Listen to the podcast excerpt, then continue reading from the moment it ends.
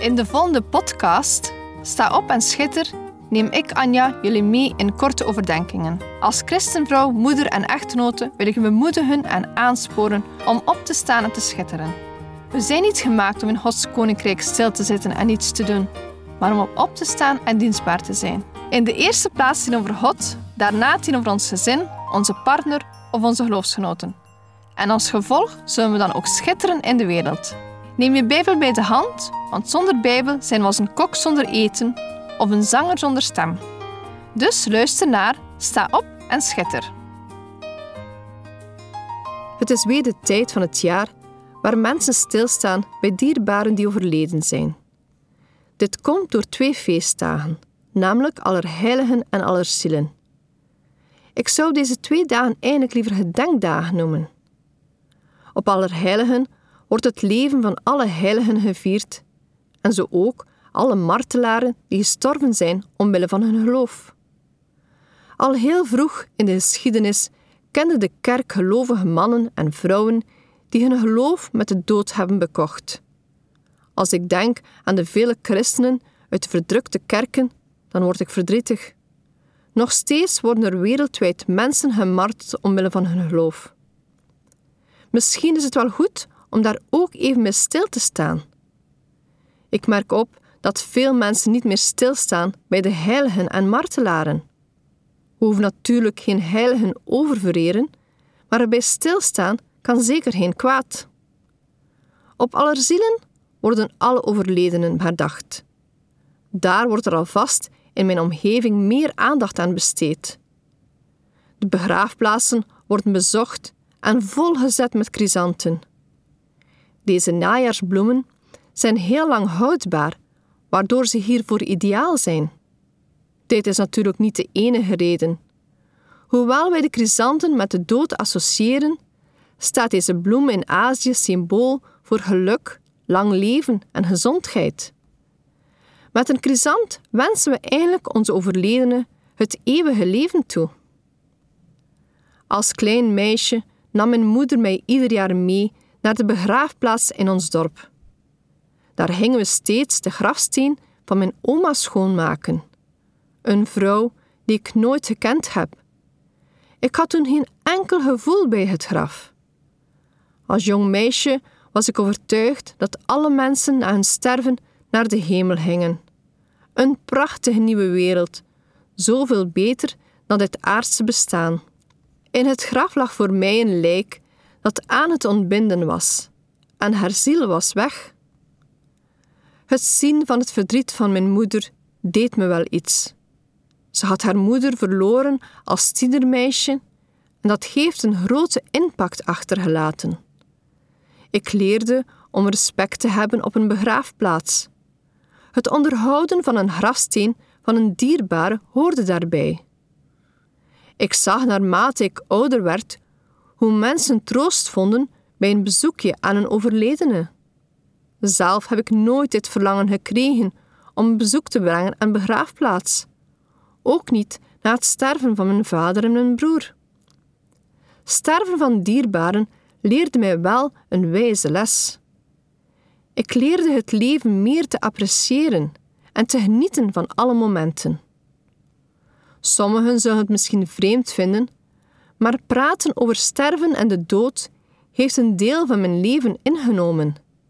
De dood hoort bij het leven. Niemand kan er onderuit.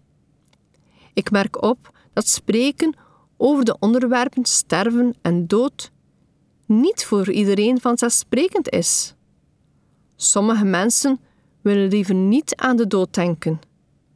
Ik ben van mening dat gesprekken rond sterven en doodgaan vaak waardevol zijn voor jezelf en ook voor de mensen die je ooit zal achterlaten. Wij christenen hebben dan ook nog een prachtige boodschap van eeuwigheid.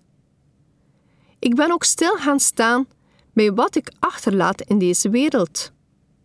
Er is een liedje van Randy Travis met als titel Three Wooden Crosses, die daar ook over gaat en mij enorm aanspreekt.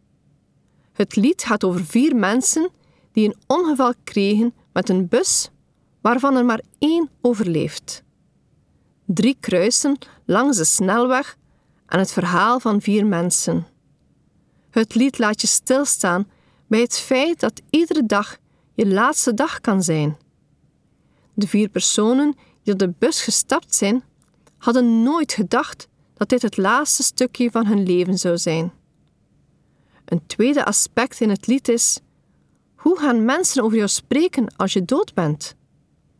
Ik stel mij ook wel eens die vraag. En ook: wat heb ik achtergelaten? Ik bedoel dan niet mijn aardse rijkdom, maar wat laat ik achter dat eeuwige waarde heeft? In Matthäus 6, versen 19 tot met 21 staat er: Verzamel geen schatten voor u op de aarde, waar mot en roest ze verderven, en waar dieven inbreken en stelen. Maar verzamel schatten voor u in de hemel, waar geen mot of roest ze verderft, en waar dieven niet inbreken of stelen. Want waar uw schat is, daar zal ook uw hart zijn. Ik denk dat God het belangrijk vindt dat we ons bewust zijn van de focus in ons leven. Waar zien we naar uit? Waar zijn we vol van? Bij het lezen van deze tekst denk ik aan verzamelaars. Iedereen kent wel iemand die een verzamelaar is van iets of van alles. Van alles. Daarmee wil ik zeggen mensen die niets kunnen weggooien. Kamers gevuld tot aan het plafond. Schatten op aarde waar uiteindelijk mot en roest in komen. Hoe meer schatten op aarde, hoe meer kans op diefstal. De grootste schat die je op aarde kunt hebben, is Jezus in je hart. Niemand kan Jezus van je stelen en hij heeft in de eeuwigheid de grootste waarde. We mogen onze focus leggen op de eeuwigheid. Volgens de Colossensenbrief moeten we de dingen zoeken die boven zijn. Laat ik even de tekst lezen. Colossensen 3, versen 1 tot en met 4, daar staat er: Als u nu met Christus opgewekt bent, zoek dan de dingen die boven zijn, waar Christus is, die aan de rechterhand van God zit. Bedenk de dingen die boven zijn, en niet die op de aarde zijn. Want u bent gestorven en uw leven is met Christus verborgen in God. Wanneer Christus geopenbaard zal worden, die ons leven is, dan zult u ook u met Hem geopenbaard worden in heerlijkheid. Zoek de dingen die boven zijn. Zoeken. Een woord dat ons wijst naar de kern van wie we zijn. Naar de kern van hoe we zijn. We zijn zoekende mensen. Want er is iets in ons wat vaak onrustig is, wat niet tevreden is. Dus zoeken we. We zoeken de ware liefde of het ware geluk. We zoeken in het leven vaak naar de mooie dingen, de tastbare materiële zaken, of gaan in onze zoektocht naar de ultieme kick bij het beleven van dingen. We zoeken de zin van ons bestaan vaak in het leven hier op aarde, onze blik gericht naar beneden. Maar in de brief aan de Colossensen worden we opgeroepen om naar boven te kijken. Niet naar het aardse bestaan, maar naar de hemel. We mogen verlangen naar het onzichtbare, een leven met God. Niet alleen op zondag, maar iedere dag van de week. Waar is ons verlangen naar God? We weten niet wanneer we onze laatste adem zullen uitblazen. Dus, wees waakzaam en stel je de vraag: Ben je klaar om Jezus te ontmoeten? Door onze bediening in de kerk worden we vaak geconfronteerd met sterven. Ieder jaar moet mijn echtgenoot wel één of meerdere begrafenissen verzorgen. En het is een zegen wanneer we mogen afscheid nemen van een christen, want het is dan een tijdelijk afscheid. Het is ook een zegen wanneer de nabestaanden weten wat de wensen waren van de overleden persoon. Dit maakt de rouwperiode en het vele werk die hierbij komt kijken een beetje gemakkelijker. Dus begrijp je nu waarom ik het belangrijk vind dat je spreekt over sterven en dood? Het is zo'n fijn gevoel als je de wens kan vervullen van de overledene. Communicatie is hierin een zeer belangrijk iets.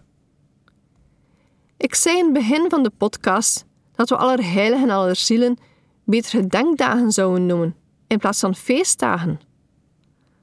Als ik daar nu nog eens bij stilsta, dan is het wel een feest voor christenen die overleden zijn. Deze personen zijn op de beste plaats bij God. Ik besef dat Allerzielen voor veel mensen een belangrijke dag is. Even de tijd nemen om overleden dierbaren en familieleden te herinneren. Het is ook een perfecte gelegenheid om het evangelie te delen.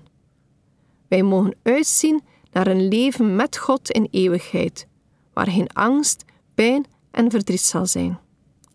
Deel deze boodschap, want we willen toch allemaal onze dierbaren terugzien? Ik krijg wel eens de vraag of een niet-christen in de hel belandt. Mijn antwoord zal ik steeds nauwkeurig afwegen. En ik antwoord vaak dat God de sleutel van het dodenrijk heeft. Alleen Hij weet wie er gered is. We kennen nooit het hart van een mens. Het kan nog veranderen tijdens het stervensproces. Eén ding weet ik wel: er is een hemel en een hel. Mensen worden geboren met een vrije wil, leven met God of zonder God. Hun keuzes gaan door na hun sterven. Een leven met of zonder God.